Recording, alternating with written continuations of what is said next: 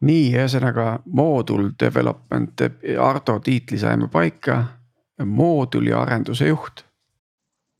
ja Siim, kuidas me sind kutsume, eesti keeli äh,? Inglise keeles ma olen lead capacitor management system engineer mm -hmm. sihuke uhke, uhke pikk tiitel. see siis on takisti? ei, see on põhimõtteliselt siis äh, äh, ultrakondensaatori siis nii-öelda manageerimise või kontrolli elektroonika tiimi, tiimi juht siis või, või kuidagi, kuidagi niimoodi. no ütleme lihtsalt tiimijuht. ultrakondensaatori ultrakondensaat äh,. haldustarkvara Kont tiimijuht või? haldustarkvara. või controller tarkvara tiimijuht tiimijuht, no väga hea. Ikkagi eesti keeles on asjad, see on super.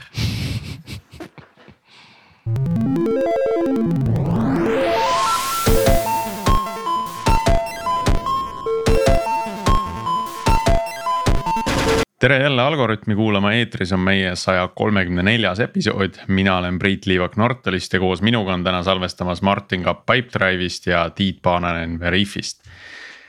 Ehm, meil on nüüd selline eriti kummaline salvestus, et, et see episood, mis me salvestame täna, läheb nüüd eetrisse õige pea. ja see, mis me salvestasime nüüd eelmine nädal, läheb järg, eetrisse järgmine nädal. Ehm, nii et et natuke raske on isegi teha seda, et eelmine kord me rääkisime Martin sinu puhkusest ja, ja olime hämmingus, et kus Tiit on. ja nüüd siis saan ma Tiidu käest küsida, et kuidas puhkus oli, et episoodis, mis tuleb hoopis hiljem. kuule ja, jah, puhkus oli, oli super, et võtsin ette ristiretke, et sõita elektriautoga siis Hispaaniasse ja ja ütleme kuus tuhat kilomeetrit ja tuhat nelikümmend kolm kilovatti ja kuussada euri hiljem olen nagu tagasi Eestis, et. et päris tore on ja, ja Tesla supercharger network nagu töötab äh, vähemalt üle Rootsi minnes nagu super hästi, et. Äh, elektri hind oli küll päris krõbe, et seal sellise viiekümne, kuuekümne sendi osas nagu kilovati peale, et see on nagu sihuke sealt tuleb ilmselt mingi kasum kellelegi, et ega ta nagu nii palju odavam ka ei ole, et me, kas see on nüüd ainult selle elektriauto laadimisel või nagu üldiselt kõrgem hind? just, et see, see no. supercharger network mm. -hmm. no seal no, ilmselt võetaksegi vahelt väike see. et, erinevates riikides oli rakendatud eri, erinevat strateegiat, et nagu Prantsusmaal olid kõik supercharger'id nii-öelda um, hotellide juures Äh, mis oli tee ääres, Novotelli juures oli põhiliselt, on ju. siis Saksamaal olid äh, ja, ja Taanis, Rootsis olid rohkem nii-öelda kaubanduskeskuste juures.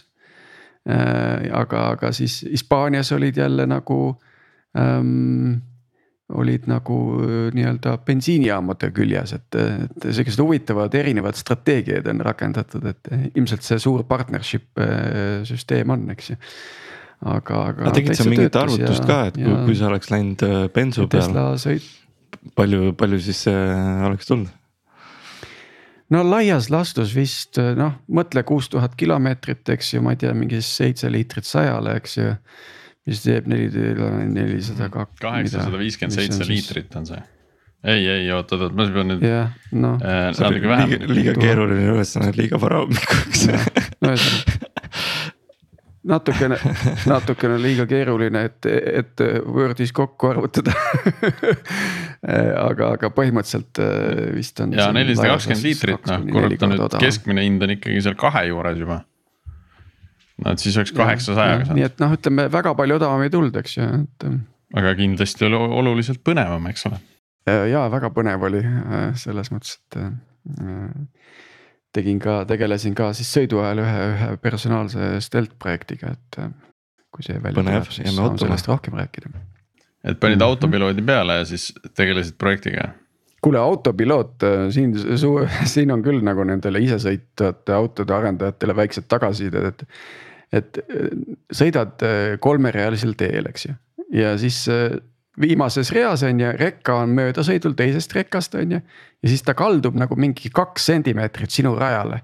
mille peale siis sina oled möödasõidul on ju autopiloot otsustab, et nüüd ma pidurdan ja ta pidurdab ikka päris karmilt tegelikult, ta pidurdab ikka maha. nagu ütleme seal mingi Saksamaal nagu saja kuuekümne pealt nagu üheksakümne peale, see on nagu päris karm pidurdus on ju. Mhm.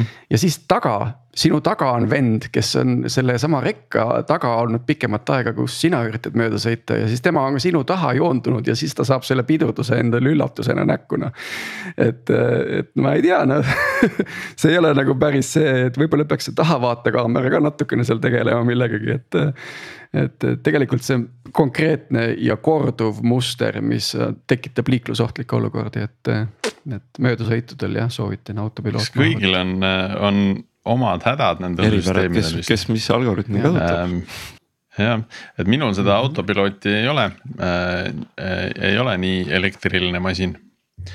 ega ka nii uus vist, aga, aga joonte vahel justkui peaks suutma sõita nii-öelda pilot assist'ina.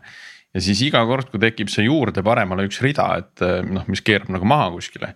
siis ta nagu hakkab jälgima seda, seda pidevat joont, mis läheb tee äärest, mitte et noh, pidev joon ühel hetkel muutub ju katkendlikuks ja siis ta tahab ka sinna ritta minna millegipärast, et siis sellel hetkel peab kogu aeg seda rooli kahe käega kinni hoidma, et mine otse nüüd noh, jah, korra maiale või ja, ja, ja kui läheb üks rida läheb kaheks, noh tuleb kolmas rida juurde, on ju, siis konkreetselt sihukene olukord on, et auto oh, oh, oh, oh, nagu kolm korda otsustas rinda kumb, eh, otsustas ringi kumba ritta minna, et see on ka suht weird. Nonii, aga äh, me läheme jaurama ära, eh, hea, et sa oled ikkagi tagasi, Tiit. Nagu kõik, kõik sellest hullust autopiloodist sõltumata. ja täna tegelikult räägime ka üllataval kombel elektrist, et Tiidu elektriauto juurest elektri äh, teemade juurde. ja räägime siis täna Skeletonist, meil on täna Skeletonist külas Ardo Kõiv, kes on mooduli arenduse juht ja Siim Pille, kes on ultrakondensaat-, kondensaatori haldustarkvara tiimi juht. Äh, nende, nende tiitlite tõlkimine oli meie jaoks paras challenge, aga kindlasti leiate LinkedInist need inglisekeelsed vasted ka, kui, kui peaks segadusse jääma, et äh, mis, mis see tiitel ikkagi päriselt siis on Äh, aga hakkame härrased tutvustusest pihta, et rääkige siis ise võib-olla paari lausega, mis te seal Skeletonis teete ja, ja kuidas te Skeletonini jõudsite? No ma võin alustada, et äh, kuidas ma Skeletoni sattusin, oli see, et äh, ma olin kunagi seotud tudengivormeliga ja siis seal käis alatasa üks inimene Skeletonist mingeid asju ehitamas, see oli siis Skeletoni algusaegadel midagi, noh midagi nikerdamas. ja siis me rääkisime temaga aeg-ajalt juttu ja siis, kui mul see vormelaeg läbi sai, siis ta kutsus mind Skeletoni ja sinna ma sain, et. et ma olen Skeletonis olnud alates kaks tuhat viisteist aastast, et see hetk, kui mina läksin tööintervjuule, siis oli Skeletoni tootmine nägi välja nagu tühi klassiruum Äh, kõige põnevam asi oli metallist joonlaud ja klaassabloon, millega asju tehti. aga, aga, aga nüüdseks on asjad hoopis teised ja siis esialgu Skeletonis ma olin äh, tootmisinsener. Äh, ühesõnaga, mis ma teha aitasin, siis aitasin Viimsi tehase tootmise üles ehitada, kus oli siis silindriliste kondensaatorite tootmine, mis on praeguseks kolitud küll Saksa aga, aga see hetk oli siis masinate vastuvõtmised, tehase infrastruktuuri ülesehitamine, supplier itega vestlused ja nii edasi. et selle poolega tegelesin ja sealt edasi tehti pakkumine, et kas tahaksid olla äh, moodularendusmeeskonna juht, mis too hetk oli oluliselt väiksem, kui ta on täna äh,. tundus huvitav, võtsin vastu ja siin ma olen küsin veel hästi kiire küsimusena, et kas sa tegeled pigem rohkem täna äh, riistvara, tarkvara või inimestega? inimestega pigem, inimestega ja või ütleme inimeste ja protsessidega võib-olla isegi öelda. nii ja Siim, kuidas sinuga? Äh, mina sattusin siis äh, Skeletoni läbi hea sõbra, sõber oli Skeletonis tööl, olime koos magistris ja eks me siis ikka arutasime, et mis, mis keegi, keegi teeb ja mis seal nagu väljakutsed on ja siis tundus, et Skeletonil on nagu palju, palju põnevamad väljakutsed kui mu eelmises töökohas ja tundus, et võib-olla see ähm, suur eesmärk on, on üllam ja siuksem väljakutsuvam. Ja siis ma otsustasin, et noh, võib, võib ju siis äh, proovida ka riistvara äh, Skeletoni jaoks äh, arendada, et alustasin siis äh, riistvara insenerina äh,, disainisin PC5-i äh, siis üks hetk äh, see tiim suurenes, tundus, et oleks vaja kedagi, kes, kes ka teisi insenere äh, koordineeriks. mul selleks ajaks oli juba üsna, üsna hea arusaam olemas, et mis enam-vähem on vaja teha, mis meie see nii-öelda äh, toode ja leivanumber on, et millega me peaks nagu hakkama saama ja siis ma vaikselt liikusin sinna kohale, kus ma koordineerisin siis juba teisi insenere ka tiimijuhina. Et siis äh, alustasin äh, riistvara pealt ja siis äh, kõrvale tuli ka tarkvara, sest Skeletonisse võib-olla riistvara ja tarkvara peavad üsna, üsna koos käima, et nad ikkagi eraldiseisev ei ole ja nii-öelda äh, ei saa niimoodi, et kirjutad oma äh,, kas siis, mis kellelegi meeldib, kas siis Visual Studio või, või puhas äh, Notepad pluss pluss, et kirjutad seal valmis ja vajutad save ja ja siis nagu lähed koju ja järgmised inimesed äh, panevad siis selle mingi riistvara peale ja see lõpuks töötab. et, et seda luksust meil kahjuks ei ole või õnneks. Õnneks pigem, aga, aga see mm. -hmm. ma küsiks siia nagu hästi abc, et skeleton, eks ju, ultra konden-, ultrakondensaator. Teil on mingi hellitusnimi ka sellele, et oleks nagu vähem keele väänamist või? käpp, kondekas. käpp patarei Ko. kondekas on Eesti kondekas, räägime Just. kondekatest, see on lihtsalt. räägime kondekatest, nii, kondekas, eks, mis on see, mis on see põhiprobleem, mida see lahendab? põhiprobleem, mida see lahendab, no kui nüüd rääkida sellest, et kus me, kus me tegutseme, kui noh, nagu sa rääkisid enne siin, et sa sõitsid Teslaga, siis Teslas meil pole suurt midagi teha sellega. Teslas on vaja akusid ja akud salvestavad oluliselt rohkem energiat kui kondensaator. kondensaator on, kondensaatori leivanumber on võimsus, mitte energia või ütleme siis niimoodi. ja kondensaatorit, äh, kus me teda näiteks praegu kasutame, on näiteks, kui me mõtleme, et kõik läheb meil ümberringi rohelisemaks kasutatakse järjest rohkem renewable energiaid või taastuvenergiat, päiksepargid äh,, tuulegeneraatorid ja nii edasi. aga see toob ka teiselt poolt kaasa probleemi, ehk sul puudub võrgus inerts. Ja näiteks üks siukseid huvitavaid projekte, millega ma praegu tegelen, ongi siis virtuaalne inerts. Ehk et, ehk et kunagi oli see inerts tagatud siis äh, ütleme konvents-, traditsioonilistes elektrijaamades olevate turbiinidega kus sul on siis tonne ja tonne, isegi sadu tonne kaaluv turbiin, mis pöörleb ja kui kuskil sul midagi juhtub, siis ega suurt midagi ei juhtu, su võrgu stabiilsus on tagatud aga, aga päiksepargid, generaatorid, nendel seda inertsi, võimekust seda inertsi tagada kahjuks ei ole. ja siis sul on vaja elektrivõrku lisada asju, mis seda inertsi tagavad. aga seal on tihtipeale on sul vaja suuri voole lühiajaliselt ja. ja see tähendab seda, et kui sa hakkad seda ehitama akudest üles, siis sa pead ta meeletult üledimensioneerima. Et sul oleks võimalik akudesse vool kätte saada, sest siis sa aku, akut sa ei saa nii kõrgete vooludega koormata, kondensaatorit sa saad, et see on näiteks üks kasutus kasutusvaldkond, teised on igasugused eh, reegend lahendused ja nii edasi. kondensaatorist ma saan iseenesest aru, aga, aga mis teeb sellest ultrakondensaatori, kas see tähendab siis lihtsalt seda kogu maksimus, maksimumvõimsust või eh,? ultrakondensaator, see on siis äh, kuidas nüüd lihtsalt öelda, kuidas seda nüüd hästi öelda, ega ma, ma, ma jään ka siin natuke nätuke aus olla. see on vana aga..., vanaema definitsioon ju või? Äh, jah, definitsiooni vaja, sest inglise keeles ultrakondensaator on electric double layer capacitor, see on natukene teine asi kui tavaline kondensaator ta,. tavaline elektrolüütiline kondensaator, aga tavaline kondensaator oli nii suure mahtuvusega, et see, et see ultra tulebki sellest mahtuvusest ja kuidas see sealt nüüd täpselt mm -hmm. tuleb, siin ma olen küll vastuse võlgu ja, jah, okei okay. ja ma saan aru, et see kondensaator ise on nagu pool lahendusest, et sinna on vaja mingisugust kontroller tarkvara ja riistvara peale, eks ju eks võib-olla nagu see kondensaatori pool ongi, et ta on nagu huvitavalt arenenud, nii palju kui mina olen näinud äh, seda elus Skeletonis, et äh, võib-olla jah, see aeg, kui Ardo alustas, siis oligi tegelikult turg oligi see, et taheti kondensaatorit, et see oli uus tehnoloogia. kõik nii-öelda siis kes seda kasutada võiks, nagu nuputasid ise välja, et mis temaga siis nagu tegema peaks, et. kõik olid hullult rahul, et oi, ma sain nüüd suure koguse kondensaatoreid, ma saan nii palju ägedaid aplikatsioone teha. aga nüüd on see turg on läinud kuidagi rohkem täiskasvanulikumaks, et nüüd tahetakse, et okei okay,, et aga anna mulle mingi toode, mis mu päris nagu probleemi ära lahendab. ja siis ongi see, et noh, et kui sa annad talle nii-öelda kaks kondensaatori terminali, et noh, siit vahelt saad nüüd äh, kõvasti võimsust välja võtta, siis tegelikult klient ei ole enam tänapäeval rahul. et äh, tahetaksegi, et äh, okei okay,, et aga kui palju äh,, kui palju võimsust ma saan sealt võtta, et äh, kuidas ma teda kasutada võin äh,. kunas ta mulle ütleb, et äh, ta on nagu tühi, kunas ma teda laadima pean, kunas äh, nii-öelda laadimine tuleb ära lõpetada äh,. Kunas on temperatuur liiga kõrge ja kõik äh, miljon muud parameetrit, mis on nüüd nagu klientidele huvi pakkuma äh, hakanud. kui nüüd, kui nüüd võrrelda seda korra veel akudega, et äh, noh äh,, akus endas nagu väga palju tarkust ei ole et seal on küll mingisugune temperatuurisensor sees ja, ja ongi need terminalid ja ongi kõik. Äh, ja noh, muidugi sinna läheb see controller peale, see on nagu täitsa eraldi teema.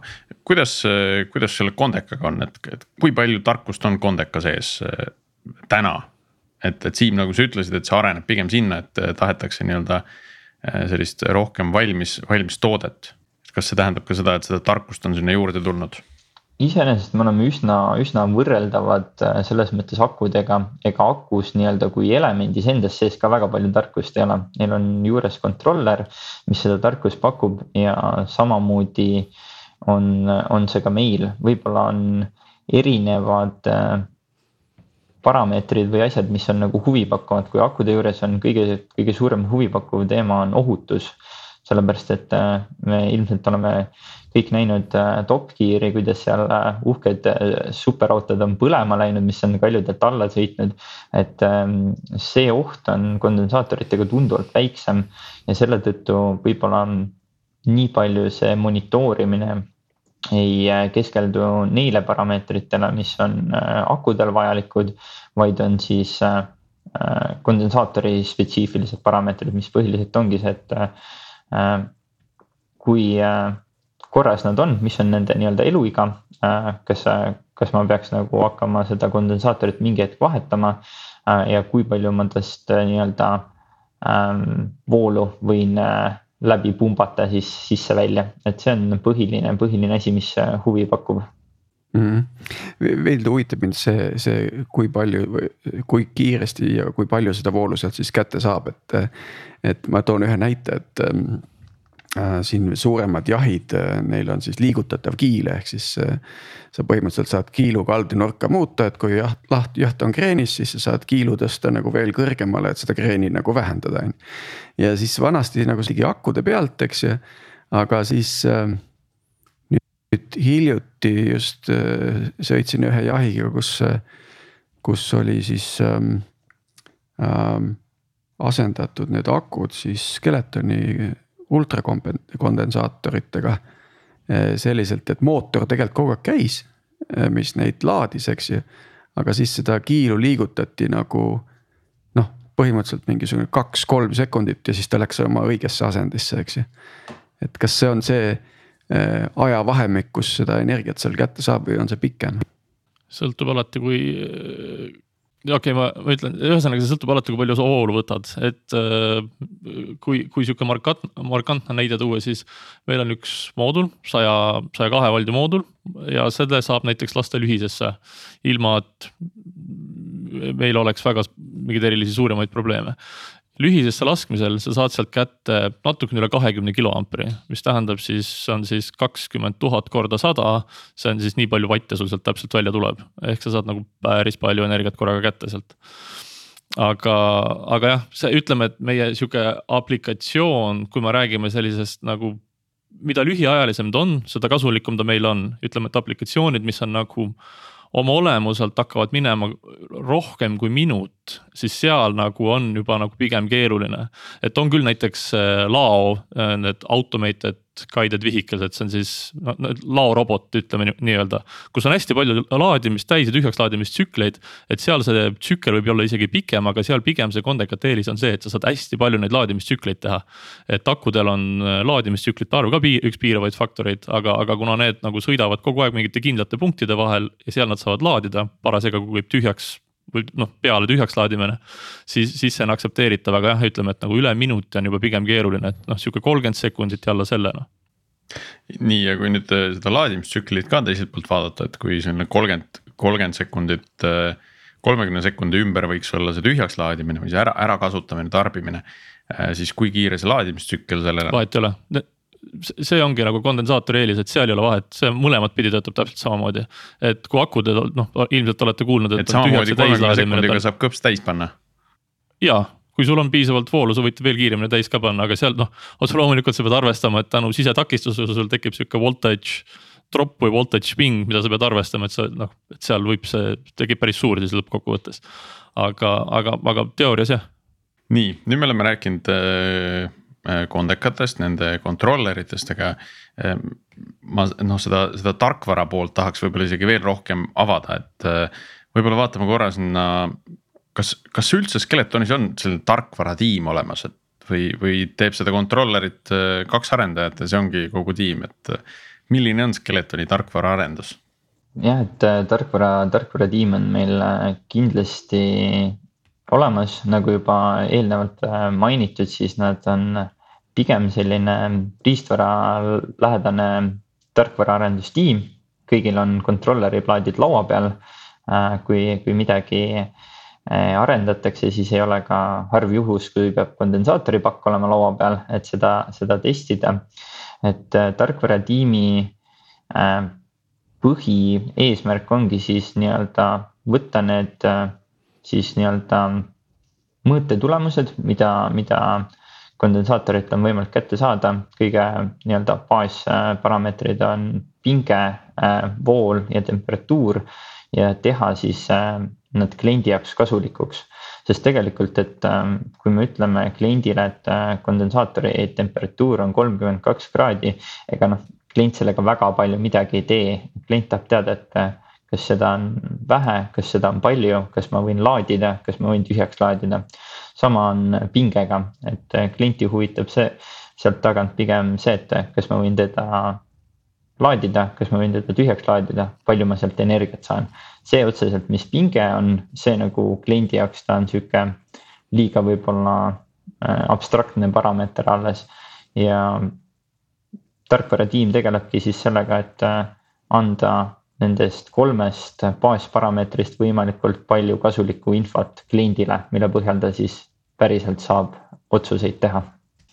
aga Siim, kus see, kus see jätkuv keerukus seal on, et, et see tundub olevat selline äh, tükk, et kirjutad selle koodi valmis ja controller töötab ja noh Sel... mis seal need jätkuarenduse suunad on või kuhu see asi nagu edasi läheb? keerukus ongi pigem, keerukus tuleb sellest päriselust või kondensaatorist, et noh, näiteks kui me räägime kondensaatorite elueast, siis tegelikult kondensaatori eluiga saab üsna hästi ähm, ennustada kondensaatori sisetakistuse järgi.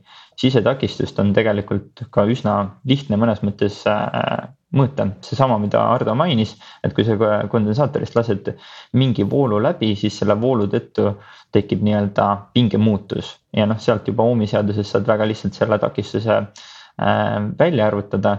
aga siis tulevad siuksed äh, ebamugavad või tüütud äh, äh, päriselulised asjad, et äh, tegelikult takistus sõltub temperatuurist, takistus sõltub voolust, millega sa seda laed, siis äh, see sõltub veel pingest, mis pingel see on. ja kui sa kõiki neid nagu parameetreid tahad nüüd kokku panna, et päriselt midagi täpset öelda siis see on äh, hulka testimist, palju keerulisi algoritme ja tegelikult äh, tükk tööd, et see korralikult toimima saada mm. -hmm. ja äh, sa vist ei maininud seda, seda tiimi suurust. et, et äh, kui suur see tiim siis on hetkel me peaks äh, sihtima sinna kümnekonna kanti oma, oma tiimi, tiimi suurusega mm. -hmm mind huvitab veel see aspekt, et ütleme, et äh, on mingi kliendi lahendus on välja töötatud, seal on teatud hulk tarkvara ja loomulikult need kondensaatorid ise siis õiges pakendis on ju. et kas see, kas see on kõik teie jälgimise all kuidagi, et, et teie kliendi installatsioonid on, on kõik kuidagi nagu teie pilvega ühendatud, te näete, mis toimub? see on väga hea küsimus ja see on teema, mis on meil tegelikult käinud laualt läbi kolm aastat tagasi umbes niimoodi, siis kui see IoT alles hakkas nagu tulema, äh, siis me rääkisime klientidega et kas oleks huvi sellise asja vastu ja kuidas teil oleks ja siis, äh, siis tihtipeale oli vastus see, et noh, pigem mitte, et nagu miks, et nagu mi, mi, mis te nüüd sealt nagu näha tahate või miks meil seda vaja on. nüüd nagu hiljuti sai see teema uuesti käsile võetud, sest tegelikult meie jaoks on see väga kasulik. Ja me oleme ka klientidega proovinud nagu selle nurga alt rääkida, sest noh, ma, ma nagu seda on nagu natukene halb tunnistada, aga, aga see keeruline punkt meil ongi see, et me tihtipeale ei müü otse lõppkliendile, et me müüme nagu integraatorile, integraator müüb lõppkliendile. et me ei ole nagu otse kliendiga tihtipeale suhtluses ja siis on ka sellele datale ligipääs hästi keeruline. ja siis seal ongi, et, et, et me oleme nüüd nagu päris mitme kliendiga arutanud, et mis on see mi-, mida me peaksime pakkuma, et meil oleks sellele datale ligipääs, sest see data on tegelikult meile hästi kasulik. me, me saame enda elu ja mudeleid palju täpsemaks teha ja nii edasi, sest meil on praegu varutegurid sees, tulevikus me saame süsteemi suuruseid klientidele täpsemalt anda, ehk me saame hinnast soodsamaks tulla ja nii edasi. ja klientidele näiteks saame pakkuda nagu preventive või predictive maintenance'i ja nii edasi selle data põhjal. aga need ongi need asjad, mida me üritame ka kliendiga läbi rääkida, aga seal, kuna see on siuksed industriaallahendused ja nii edasi, siis seal kohe tihtipeale me põrkame kohe sihukeste asjade vastu nagu cyber security ja kas saab ja kuidas saab ja kas me ikka tahame lasta ja see on lisarisk ja. et, et, et, et nagu sihukeses tööstuses või automotive'is nagu selle koha pealt nagu see data enda kätte saada nagu konstantse jälgimise alla, seda, see on nagu paras tükk tegemist ja läbirääkimist ja kangutamist, et, et, et sinna saada. ainsad, kes mulle meeldisid, kes olid hästi konkreetsed. samas lennundus teeb seda ei, lennundus teeb seda, seda tehakse isegi kuullaagritega tuuleturbiinides, et äh, jälgitakse distantsilt, kuidas kuullaagrid töötavad. et, et mulle meeldis, kõige konkreetsemad olid minu arust meremehed, kellega ma rääkisin, kes on, tegelevad offshore asjadega, laevadega, ütlesid. kui sa suudad näidata fleet owner'ile, kuidas nemad suudavad sellega raha teenida, nad annavad sulle kõik ligipääsu, mis sul vaja on. Et see, nii lihtne see nende jaoks oligi, aga ma arvan, et see on tegelikult laiendatav et ja see ongi, see on ka nagu asi, mille kõrval me, see ei ole nüüd meil, ütleme sihuke põhifookuses hetkel, aga see on sihuke asi, millega me kõrvalt tegeleme, et, et me kindlasti tahame sellele datale rohkem ligipääsu saada. sellepärast, et praegu ta on et, et harilikult klient ei tule sinu juurde tagasi asjaga siis, kui kõik on hästi, ütleb, et oi, su, sa tegid meile seadme, see kõik töötab nii ilusti, suured parased poisid olete, sa harilikult kuuled seda, et kuule, mingi jama on. ja siis sa saad alles teada, mis, mis su seade päriselt äh, nagu väljas teeb, aga noh, tegelikult võiks olla kogu aeg see ülevaade olemas. ja see kindlasti on nagu teie ärimudeli ja nagu jätkusuutlikkuse võtmes ka nagu oluline, eks ju, et kust, kust seda efektiivsust leida, on ju lõpuks on see, et mida rohkem datat sul on, seda rohkem sa saad seda uurida, kus seda efektiivsust peidus on, eks ju. täpselt, täiesti nõus. aga palju täna neid, täna selliseid potentsiaalseid noh, kliente on, et ma täna, mina ei kujuta nagu ettegi, et kas me räägime nagu kümnetest, sadadest või tuhandetest, et kui ühel hetkel need hakkavad kuskil pilve andmeid saatma, et. mis see voog, andmevoog siis on, mida tegelikult ära haldama peaks see on, see on ka taaskord selles suhtes keeruline küsimus, et äh, kui me mõtleme, mõtleme näiteks automotive'i peale, sellepärast et väga paljudel klientidel, kes tegelevad kes juba ise tegelikult tegelevad ja koguvad datat netti, et ilmselt nad on, ilmselt nende lähenemine on see, et miks peaks olema lisa nagu kontakt välismaailmaga, meil on oma kontakt olemas, võtame läbi selle, jälgime kõiki ja kui on vaja, siis saate meie andmebaasi ligi aga, aga ma olen nõus, et see on omaette nagu äh,, omaette nagu väljakutse, aga kuidas seda nüüd kõike nagu täpselt kokku hakata tõmbama, siis.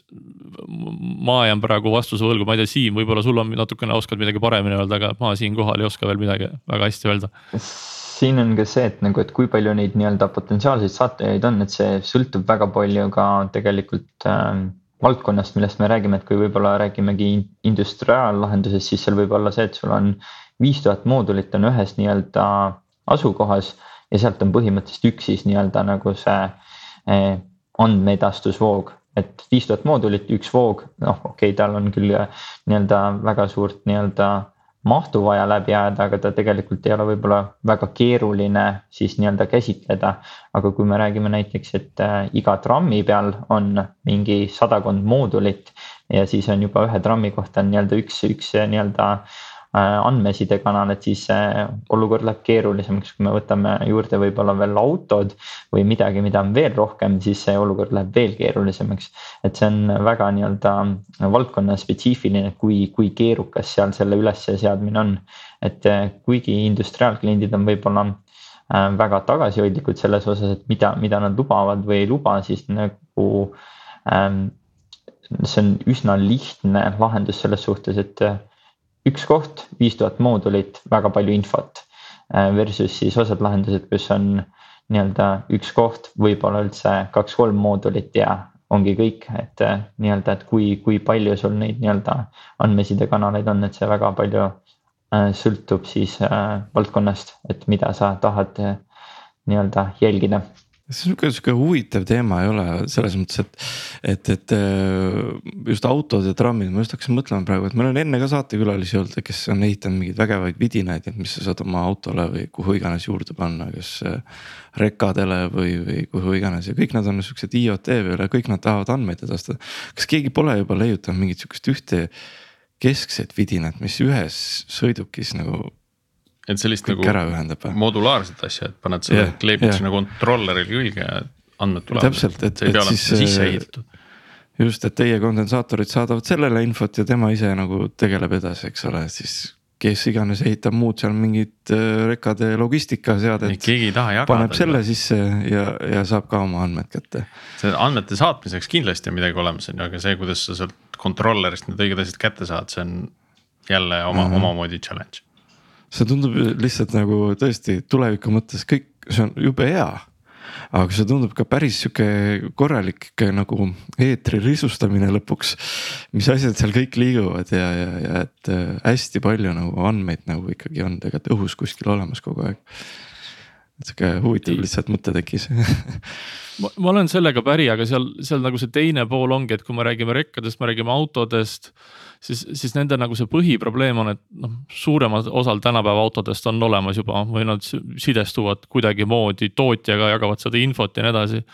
aga, aga see on, kõik on nii riskipõhine noh äri mingis mõttes, et nad ei taha, et keegi tuleks, mingi kolmas osapool sinna sisse, sest nad ei tea, et okei okay,, kas see on turvaline, kas me saame lubada seda, mis juhtub, kui ma ei tea, kogu Läti autopark kaob meil ära või millegipärast tõmmatakse maha või laetakse üles vale tarkvara või mis iganes sõiduki peale. et nad nagu, nad on selles suhtes nagu hästi põhjalikud ja jälgivad seda hästi detailselt, et, et need, et need riskid oleksid maandatud, et nad. et ja, ja, ja et nagu näidata neile, et need riskid on maandatud, siis selle jaoks tuleb läbi käia ikka korralik kadalipp see on nagu hea challenge kellelegi, kes selle ära teeb, vaata siis on nagu sihuke jah siin Martin on meil ainest uueks startup'iks võib-olla, et kes toob, toob sinna mingisuguse standardi ja meid ütleb, et see on meie riistvara, mis teeb TCP/IP-d, mida kõik kasutavad. aga et tahan veel küsida, et Ardo, et sina, sina oled rohkem inimeste protsesside ja, ja Siim, sina rohkem nagu tehnoloogia fookusega, et mis on nagu täna teil need kõige suuremad probleemid nii-öelda. Äh, äh, mis teid nii-öelda ei lase öösel magada, eks ju, et. mis see otseselt. Ardo, alustame sinust jah äh, otseselt midagi sellist ei ole, mis öösel nagu ärkvel hoiab, et, et jah, on mõnikord mingi eskalatsioon ja on mõnikord mingi probleem, mis vajab tähelepanu, aga noh, aastatega võib-olla on nagu natukene nahkaga kasvatatud.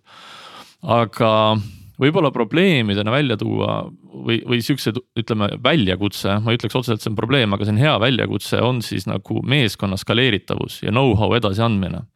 sellepärast, et see on nagu äh, üks asi, mis saab järjest rohkem selgemaks, ongi see, et et, et jah, sul on tihtipeale on, on, on tugevaid mängijaid meeskonnas, on nooremaid mängijaid, kes alles õpivad ja nii edasi, aga see, aga see asja point ongi selles, et. sa pead kuidagi suutma info edasi anda või need lessons learned'id või asjad, mis sa oled õppinud inimestele selliselt, et sa ei koorma väga palju olemasolevaid inimesi. et sa saad kuidagi seda masinat käimas hoida, sa saad skaleerida seda selliselt, et et, et see, et see on jätkusuutlik, et, et, et see on nagu sihuke omaette hea väljakutse, et see on nagu mingis mõttes seotud nagu dokumenteerimise, kuidas me asju teeme ja nii edasi, et see on, et see on jah, sihuke. aga kui sa, kui sa peaksid andma tulijatele nii-öelda three tips, kolm, kolm head nõuannet selle kohta, et noh, seda. et kuidas teha asju, kuidas dokumenteerida, kuidas hoida seda jätkusuutlikuna, siis mis, mis võib-olla sinu võib-olla vaatame teistpidi, et mitte, mis on sinu kolm nõuannet, aga mis, mis asju sina, sina ise oled õppinud äh, nende möödunud aastate jooksul, mis niimoodi esimese hooga kohe meelde tulevad? no mis ma olen õppinud, ongi, on, on näiteks see, et äh, et kui ma ütlen, et nagu protsessid on tegelikult hästi olulisel kohal, et äh, kui ma ütlen protsessid, siis tihtipeale inimesed mõtlevad oi, oi, oi, see on nii palju bürokraatiat ja mingi paks pakk paberit laua peal ja, ja nii edasi, et mitte midagi muud moodi ei saa, absoluutselt ma ei mõtle seda sellepärast et insenerid ise on ka tegelikult üritavad olla efektiivsed ja samas nad tahavad, et nad, et nende töö oleks korralikult nagu dokumenteeritud. ja siis see dokumenteerimise või, või, või protsesside, rääkides kõigepealt protsessidest, protsesside võlu on see, et inimestel on arusaam kust nad tulevad ja kuhu nad lähevad oma näiteks projekti raames. ehk see aitab ka mingis mõttes inimestel motivatsiooni hoida, et ta ei eksi nii-öelda nagu projekti sisse ära, kui ta nagu üksinda jätta siis teine pool, mis on, on, on oluline, on nagu välja mõelda, kuidas ma asju üldse dokumenteerin, mis asjad ma kuhu panen ja mida mul tegelikult vaja üldse dokumenteerida on, millises ulatuses. et seda on nagu mõistlik teha parem varem kui hiljem, sellepärast et äh, et noh, me oleme läbi käinud need staadiumid, et asjad olid natukene võib-olla alguses nõrgalt dokumenteeritud, keegi vaatab sihuke üheksa kuud kuni aasta hiljem sinna peale, mõtleb, miks me nii tegime, siis oli, aga ma ei tea, miks me nii tegime, tundub täiesti jabur. ja siis me hakkame testima, siis me jõuame täpselt sama tulemusena lõpuks ringiga uuesti välja, vaata, et see on nagu. et selles suhtes see nagu see, et see tundub nagu ajakulu, aga tegelikult äh, see on kasulik ja, ja, ja mida selle dokumentat-, investeering tulevikku ja teine asi, mis, mida on see dokument, dokumenteerimine näidanud, on ka see, et mida professionaalsemaks lähevad su kliendid, seda rohkem nad hindavad, sest me oleme teinud igasugu auditeid kaasa nii Äh, nii automotive äh, OEM idega kui ka siis suurte industriaalklientidega ja noh, neid, neid just see pool ka huvitab, et näidake, kuidas te tagate ühte või teist või kolmandat asja ja siis nad tulevad kohale ja küsivad, see, et sul ISO on, see on tore. aga, aga nad tahavad nagu asja ise üle käia ja veenduda, et see noh, päriselt tähendab ka midagi, et sul see ISO on. aga, aga jah, et nagu need oleksid nagu siuksed põhiasjad, et et, et protsessid, ma ei ütle, et see peaks olema midagi koormavat, midagi keerulist, aga lihtsalt nagu läbimõeldud, kasvõi. kasvõi, et nagu kuidas ma asja teen ja teine asi on dokumenteerimine, mida, kuhu ja mida üldse on vaja dokumenteerida, mis ulatuses, et nagu ja parem varem kui hiljem, et see nagu lihtsalt säästab aega, et seda protsesse dokumenteerimist saab alati itereerida paremaks, teha asju juurde panna, asju ära võtta vastavalt vajadusele. et kolmandat vist ei tulnud praegu, aga ma, ma arvan, et need kaks on päris head kahe juurde, kuidas sa tagad selle dokumentatsiooni olemasolu, see on, see on alati ka tarkvaraarenduses on nagu challenge, et. et, et me võime nagu öelda, et jaa, dokumentatsioon on tähtis. aga, aga me oleme ka siin varem, varasemates episoodides rääkinud, et kuidas siis mõõta seda, et noh, et see on nüüd ka päriselt hea dokumentatsioon, et kui arendaja enda peaga midagi valmis kirjutab. siis sageli sellest saab tema väga hästi aru, aga võib-olla see kolmas inimene, kes seda eh, kasutama või lugema hakkab, ei, ei mõista seda päris samamoodi, on ju pluss siis see, et kas, kas see on piisav. Ähm, et kas, kas seal on ka noh, ma eeldan, et sinna saab rakendada sellist äh, koodi ülevaatuse laadset protsessi tegelikult, et. et keegi seda dokumentatsiooni valideerib ja sellele tagasisidet annab ja, et äh, meil ongi siuksed review protsessid koodil olemas, et inimesed vaatavad üksteise koodi üle, ütleme siis, kui me räägime riistvarast, riistvarast või mehaanikast, siis meil on siuksed äh, Äh, äh, review template'id ka mingis mõttes, et, äh, et et sellest poolest ma oskan natukene paremini rääkida, et selle review üks osa on ülevaatamise üks osa on ka tegelikult see, et mida ma üle vaatasin, et. et see, et jah, ma vaatasin üle, kõik on okei okay ja, ja pärast küsida, et aga kas sa selle asja ka üle vaatasid, siis on ei, ma ei tea, vaatan korra, anna hetk. Et, et, et see seal, seal tekibki nende asjade, asjade vahe, et kas ta on nagu põmps tehtud või ta on päriselt tehtud see on, see on nagu hästi kasulik selles mõttes tõesti, et meil kunagi oli noh koodi review's samamoodi, et siis sa pead aru saama, et kas. kas sul ülesande püstitus on nagu täidetud, et, et isegi enne kui sa koodi juurde lähed, eks ole, et sa oled midagi oled teinud millegipärast, on ju ja esimene nagu reviewer tegelikult esimesena võiks aru saada, et kas ta üldse on nagu õige asjaga on tehtud, tegeletud, et noh, et. kui sul on mingid kriteeriumid või asjad progemises ka, eks ole. on need feature'id tehtud, on see bugi tehtud või mis iganes, eks ole, on ta üldse õige asjaga tegelenud, et selles mõttes on hästi hea praktika. mida review de juures nagu silmas pidada, ma kujutan ette, et see läheb äh, riistvara juurde täpselt samamoodi. et kui on mingisugune asi, mida lahendada, et. ei, absoluutselt, see, see käib nagu, see käib äh, läbi ja lõhki kõik asjad läbi ja teine asi tegelikult, mis on ka kasulik, on see, et äh, review'd teha kuidagi kas nagu perioodiliselt või, või võib-olla see noh, tarkvara juures on see natukene lihtsam, et see feature ei pruugi nii suur olla või feature ei pruugi nii massiivne olla, et see, et see, et seda vaadatakse ikkagi tihemini üle. aga nagu riistvaras või, või, või, või mehaanikas võib juhtuda see, et see ülevaatamine jääb kuidagi hästi lõppu, mis tähendab see, et see ülevaatusprotsess tuleb nagu kuidagi hästi kohmakas. et pigem nagu vaadata, kas mingite alamsektsioonide või funktsioonide kaupa üle, et see toimuks pigem tihemini, et asjad oleksid nagu värskemalt meeles, et oskaks paremini kas siis argumenteerida, kaitsta või rääkida, et miks üks asi on nii või naa et siis see, siis see on nagu natukene iteratiivsem on see protsess, kui, kui teha nagu kõik valmis, jätta see lõppu, siis see tuleb kuidagi sihuke suur ja kohmakas.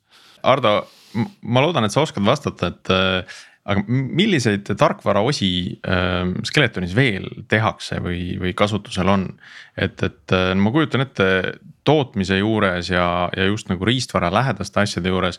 mida me oleme ka siin jälle varasemates episoodides näinud, on hästi palju selliseid äh, selliseid nii-öelda custom tööriistu tehakse just enda jaoks.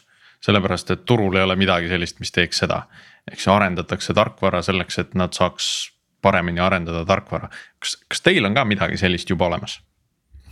mm,? et siin on ja Siim oskab kindlasti oluliselt paremini seda vastata kui mina, aga mis me oleme teinud, me oleme noh, enda tarbeks igasuguseid testloogikaid teinud ka tootmise aitamiseks, et tootmises testimine oleks lihtsam, see on see on, see on juba puht sellepärast, et äh, tihti või, või, nende asjadega, mis me teinud oleme, see on juba ka sellepärast, et nagu selle ülesande püstitus kellelegi teisele võtab sama kaua aega, kui sul ise asja ära tegemine. hea küll, ise võib-olla võtab natukene rohkem, aga sul on kontroll selle asja üle et, et neid äh, asju oleme teinud, oleme ehitanud endale Äh, noh tootmisel on testreid, ise oleme ehitanud testreid, et me saaksime enda kas seadet testida nagu äh, riistvaraliselt siis ütleme nii, et meil oli äh, näiteks üks hiljutine sihuke seadeldis, mis me tegime siin aasta alguses umbes või, oli see, et millega me tegime siis käivitusmoodul, käivitusmooduli testimisseade siis põhimõtteliselt, see käivitusmoodul tegi kondensaatoris lõppkokkuvõttes ära sada tuhat tsüklit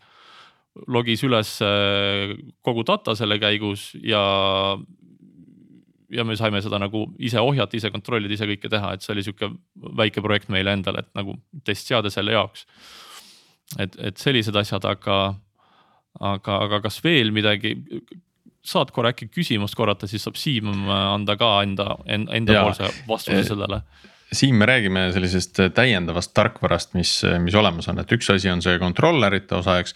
aga, aga sageli just riistvara läheduse arenduse puhul arendatakse ise mingid tööriistad, et saaks noh, kas siis testida midagi või edasi arendada äh, mingit äh, käitamist teha, eks. et, et milliseid sedalaadi tööriistu Skeletonis kasutusel on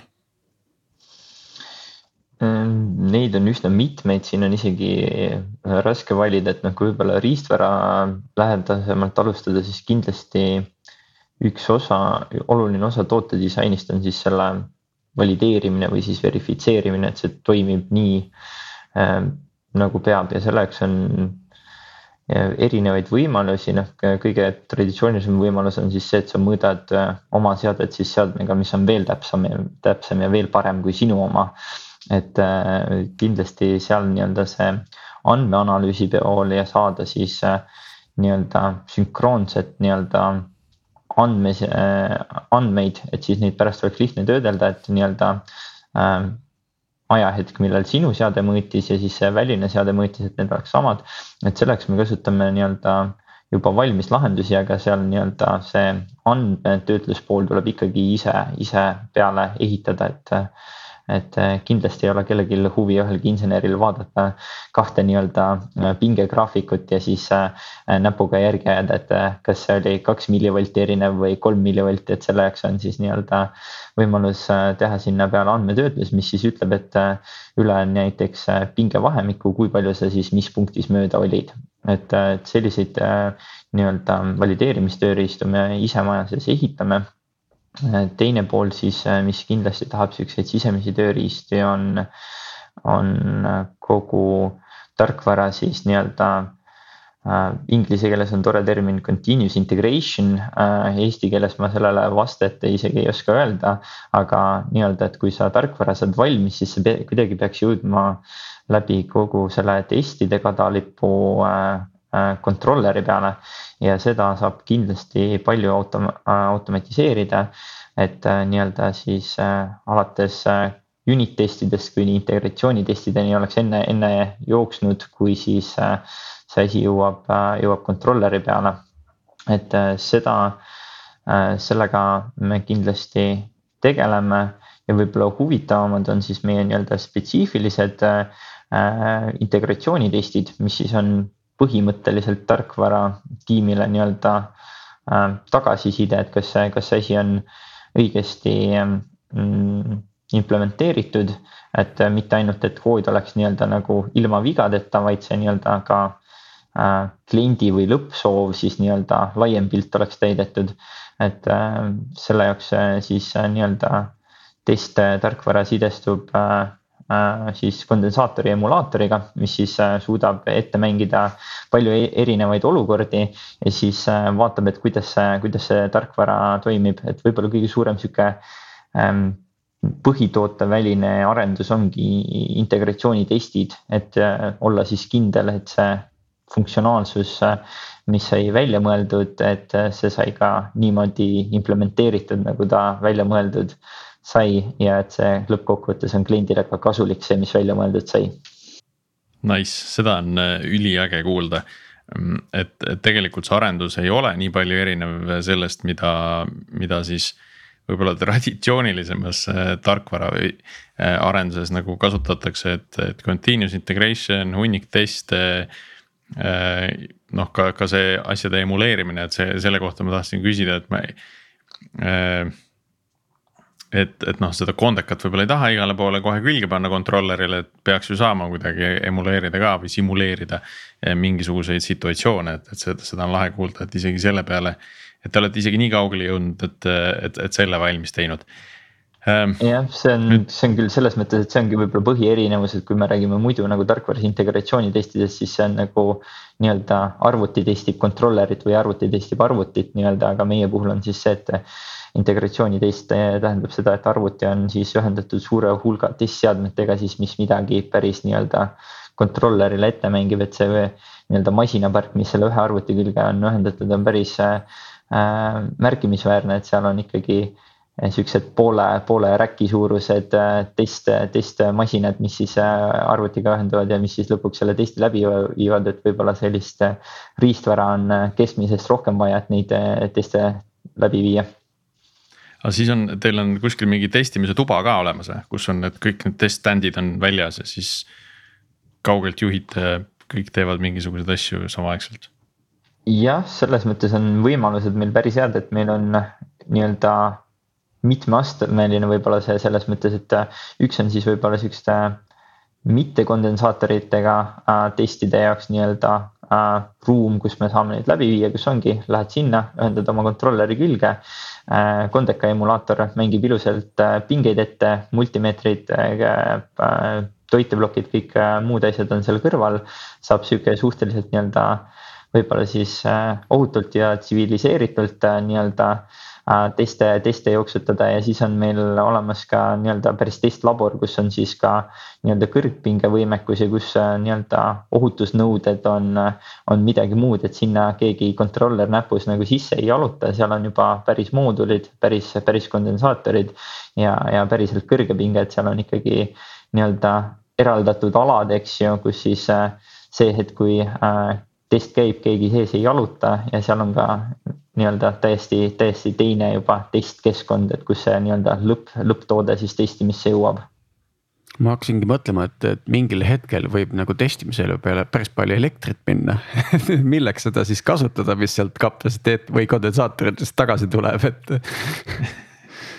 Jah, õnneks on see, et äh, tänapäeval on nii-öelda kahe, kahesuunalised toiteplokid ei ole, ei ole mingi müstika ja see, mis sa, mis sa võrgust võtad, saad sinna ka sama, sama toredalt tagasi süstida, et selles mõttes äh, nii, nii hull see seis ei ole, aga eks, eks meil testplaanides on ka see, et nagu väga tore oleks ju ühest kondensaatorist laadida teise ja, ja tagasi, et nii-öelda moodul, moodul testib moodulit mõnes mõttes, et äh, osad, osad moodulid on kasutusel nii-öelda nagu äh, jah, nii-öelda energiapangana ja siis teised on nii-öelda testi all, et, et see, see mm -hmm. mõte on ka meil täiesti läbi käidud, käidud, et, et milleks seda siis võrgust võtta samal ajal testitakse mõlemat, hiljuti vaatasin ühte äh, Inteli Äh, factory tour'i äh, mis, mis oli päris kihvt, et kõik, kõik see test bench'ide asi, mis neil seal on üles ehitatud, mulle. ma kuulen siin mitmeid paralleele, et. et noh, see riistvara testimise pool on, on hästi äge, kui see on põhjalikult välja arendatud. Ähm, jah, eks meil siin samme on nagu veel minna, aga eks me sinna nagu liigume, et järgmine on võib-olla nagu mudeli, mudeli baasil testimine, mis on siis nagu järgmine samm, et kui me oma kondensaatorid võib-olla MATLABi või mõne muu asjaga simuleerime, et kuidas nad võiks ka kasutada, et siis sellesama mudeli juba otse nii-öelda äh, test, testbench'ile ette sööta, et mitte enam siis kirjutada eraldi nii-öelda testkoode, vaid juba siis nagu mudeli, mudelipõhine testimine on võib-olla meie, meie järgmine siht mm,. ma hakkasin mõtlema, et panen ennast praegu siin nagu kuulaja või, või inimese kingadesse, et mõtleb, et ah, et Skeletoni võiks olla päris huvitav tööle minna, et mis. Mis mul siis nagu peaks olemas olema, no üks on muidugi nõudmised konkreetsele positsioonile, eks ju, aga. aga mis on see asi, mis nagu ridade vahelt tuleks välja lugeda Skeletonis edukaks, edukas olles nagu, mis on tähtis, et. põhiasi on pealehakkamine, et nagu inimeste eh, huvi, huviala vastu pealehakkamine ja coachability, ütleme, et on sellised asjad, mis sa nagu inimestes nagu põhiliselt näha tahad, et, et ta tuleks otse loomulikult äh, et kui sa tuled riistvarainseneriks ja riistvarast absoluutselt mitte midagi ei tea, et, et noh, see päris see ei ole, aga, aga, aga, aga ikkagi põhiasi on see pealehakkamine, et, et, et sind nagu huvitab see antud valdkond. ja, ja, ja, ja sulle meeldib sellega tegeleda, sul on see säde silmis, ütleme siis niimoodi. et see on sihuke üks, üks, üks, üks kindlasti üks suuremaid asju, mis, mis meid, mida me inimese juures vaatame. see oli sihuke hea sõnademäng, et nagu mees, kes läheb või iga, kes iganes nagu läheb sinna elektriga tegelevate. peab säde silmis olema. jah, et siis peab säde silmis olema kui ei ole, siis pannakse üks kondekas külge lihtsalt. silmad peavad välkuma sädelema täpselt nii. võib-olla teine teema on siia ka see, et äh, nagu mis on meie, kuna meil on nii-öelda võib-olla lai valdkond ka siis äh,. et äh, võib-olla oskus, et kuidas jõuda siis punktist A võib-olla mitte punkti B, aga punkti C ja D ja need nii-öelda B ja C sinna vahele ise panna, et see on. see on inseneride puhul, puhul hästi tähtis, et nii-öelda äh, on väga palju häid insenere, kes, kui sa ütled neile, et kus nad nii-öelda nagu oma arenduses asuvad ja mis nad peavad tegema, et siis nad seda suudavad väga hästi nii-öelda ära teha. aga kui sa ütled neile, et see peaks olema see suund, et kuhu me nüüd hakkame minema, et mis, mis samme me võiksime teha. et, et see on võib-olla see, mis siis äh,, äh, mida me ka otsime, et äh, omada sellist nägemust ja huvi võib-olla selle valdkonna vastu piisavalt, et seda äh, nägemust siis ka kujundada, et, et mis siis äh, mis siis on see, mis, mis pakub äh, meie klientidele võimalikult nagu palju väärtust jah, et see noh, Siim võttis selle hästi kokku, et see on tegelikult siis äh, problem solving skill. sest noh, mõnikord, mis me oleme näinud, et, et siis tuleb inimesega natukene noh, vajab natukene rohkem juhendamist, aga on see, et kus on spec. kui spec ei ole, siis, siis ei saa hakkama, et kui sa seletad talle nagu abstraktsel tasandil ära, sellist asja oleks vaja paku välja, kuidas me sinna saaksime ja siis mõne, noh, mõnikord läheb ikka täitsa lukku nagu. aga, aga see ongi, et see vajab natukene õppimist, natukene harjutamist ja siis, siis saavad inimesed käima lõpuks. nii, aga tänase episoodi lõpetuseks kas on teil veel mõttes mingisugune teema, mis, mis, millest oleks tahtnud rääkida, aga milleni me täna ei jõudnud? Kas siis nagu Skeletoni laiemalt või Skeletoni tarkvaraarendust just silmas pidades jah, võib-olla põhipunktid sai, sai kaetud, ma arvan. ma ise arvan ka, et tarkvara poolest äh, küsis, küsitlesite väga hästi siin Siimu, et ma ei oska siin midagi, midagi juurde öelda, et, et, et jah, et ei oska, ei oska rohkem nagu midagi juurde lisada. meil kõik räägivad alati kasvust et, et kui palju siis, kui täna on see tarkvaratiim kümme, et noh, kus siis aasta pärast kahekordseks, kahekümne peale? noh, aasta pärast see on äh, hea küsimus, äh, ma tean, et meil praegu tegelikult see tarkvarameeskond reaalselt on natukene väiksem, meil on eesmärk saada aasta lõpuks, kas ta oli kümme või üksteist. Äh, meeskonna suuruseks, et praegu me oleme, praegu me tahame suurusjärk kahekordistada seda meeskonda mm. -hmm. et aasta lõpuks seal olla ja sealt edasi noh, kindlasti me peame kasvama, sellepärast et Äh, kuna praegu me räägime väga mitmete, mitmete automotive OEM idega ja nendega kindlasti tulevad sellised tarkvara asjad, mis on meie jaoks natukene uued, ehk kui me hakkame rääkima seal autosaarid ja sellised asjad, et kuhu me peame ennast nagu natukene sisse sööma. mida meil varem pole olnud ja need on siuksed oluliselt ajamahukamad arendused, kui me senini teinud oleme, et seal kasv on kindlasti vaja, et see ei ole, see ei ole isegi küsimus. kas te olete, olete pakkunud ka sellist äh, system integrator'i teenust või tõmbate nagu selgelt joone vahele sinna, et. et ei, siin on meie kondekad, äh, controller'id, äh, spec, no noh dokumentatsioon. et võtke, kasutage või olete valmis ka panema paar arendajat sinna, sinna autotootja tiimi mõneks kuuks, et aidata neil nagu käima saada see asi ja tegelikult see, ütleme, et sellist nagu on-site inseneri me veel ei ole meilt palutud, me ei ole minu teada seda veel teinud. aga mis ta on, et autotootjatega äh, on praegu juba küllaltki palju vestlusi, sellepärast et kondensaator, kuigi ta on nagu noh, võib mõelda, et ta on sihuke turul olnud ja kasutatud asi omajagu aga siis seda pole nagu eriti kasutatud selles tööd, tööstuses sellisel kujul ja siis ta on nagu sihuke natukene uus asi neile. ehk et see praegu need vestlused väga paljuski, et meil on nagu üks, ütleme käivitusmoodul on siis OEM-iga praegu töös, mida me arendame. aga siis on ka teisi lahendusi, mis on siis näiteks Äh, hübriidsõidukitesse, energiasalvestusseade, siis on ta näiteks kaheteist voldi boardnet, stabiliseerimine ja nii edasi. ja seal nagu autotootjad ka nagu natukene kompavad, et kuidas asi seal nagu sobituks täpselt, mis ülesandeid ta teeb, mis ta seal tegema peab, et nad nagu testivad tehnoloogiat. et seal nagu otse loomulikult me teeme nendega nagu hästi tihedalt koostööd selles osas, et aidata välja mõelda, et mis see seade lõpuks olema peab. sest praegusel hetkel mina ei tea ühtegi tootjat, kes oleks meie juurde tulnud ja öelnud, et nii, siin on spec, palun tehke niimoodi, et see ei oleks muutunud või see ei oleks nagu, me ei oleks sellele nagu otsa vaadanud, öelnud, et me nagu noh, mõtleme korra järgi, et kas see on mm -hmm. nüüd nagu päriselt ka see asi, mis teil vaja on. et tuleb ikka kõigiga nii-öelda hästi-hästi lähedalt koostööd teha, et see asi tööle saada jah, selles mõttes meil on terve aplikatsiooni inseneride tiim selle jaoks, et kes siis nii-öelda äh, kliendiga läbirääkimisi peab ja kas klienti selles osas toetab, toetab, et kindlasti see ei ole, et nagu äh, vaadake meie kodulehelt mm, -hmm. et kus on, äh, kus on datasheet ja siis äh, äh, selle järgi sõitke, et, et seda, seda kindlasti päris me nii ei no, tee. no loodame, et ta nii suureks ei kasva ka. ma küsin siia lõppu veel sellise küsimuse, et mis on kõige kuulsam asi, kus nii ultrakondensaator sees on, mida kõik teavad? mis on kõige kuulsam asi? Jeff Bezose saatsime kosmosesse aa õige jah, Jeff Bezos saatsime kosmosesse, muidugi, kuidas me seal. Jeff Bezose Blue Originis oli kondensaator. oli, me saime isegi selle õla patch'i nendelt, mis oli see nice. väga, väga hea Siim, et sul see meelde tuli. see oli üliäge praegu kõva. see on tõesti cool ähm, ja, ja ma, ma arvan, et selle äh, jaw dropping äh, kuidas see on, suu kukub lahti äh, märkusega ongi, ongi mõistlik siinkohal ka tänasele episoodile joon alla tõmmata. Äh, aitäh, Siim ja aitäh, Hardo tulemast, äh, aitäh meie kuulajatele. tänud ka kõigile teemade soovitajatele ja, ja ka Jürile, kes võttis minuga ühendust, ütles, et kuule, et rääkige Skeletonist ka. ma usun, et saime väga põneva episoodi ja jääme kuulmiseni taas järgmisel nädalal.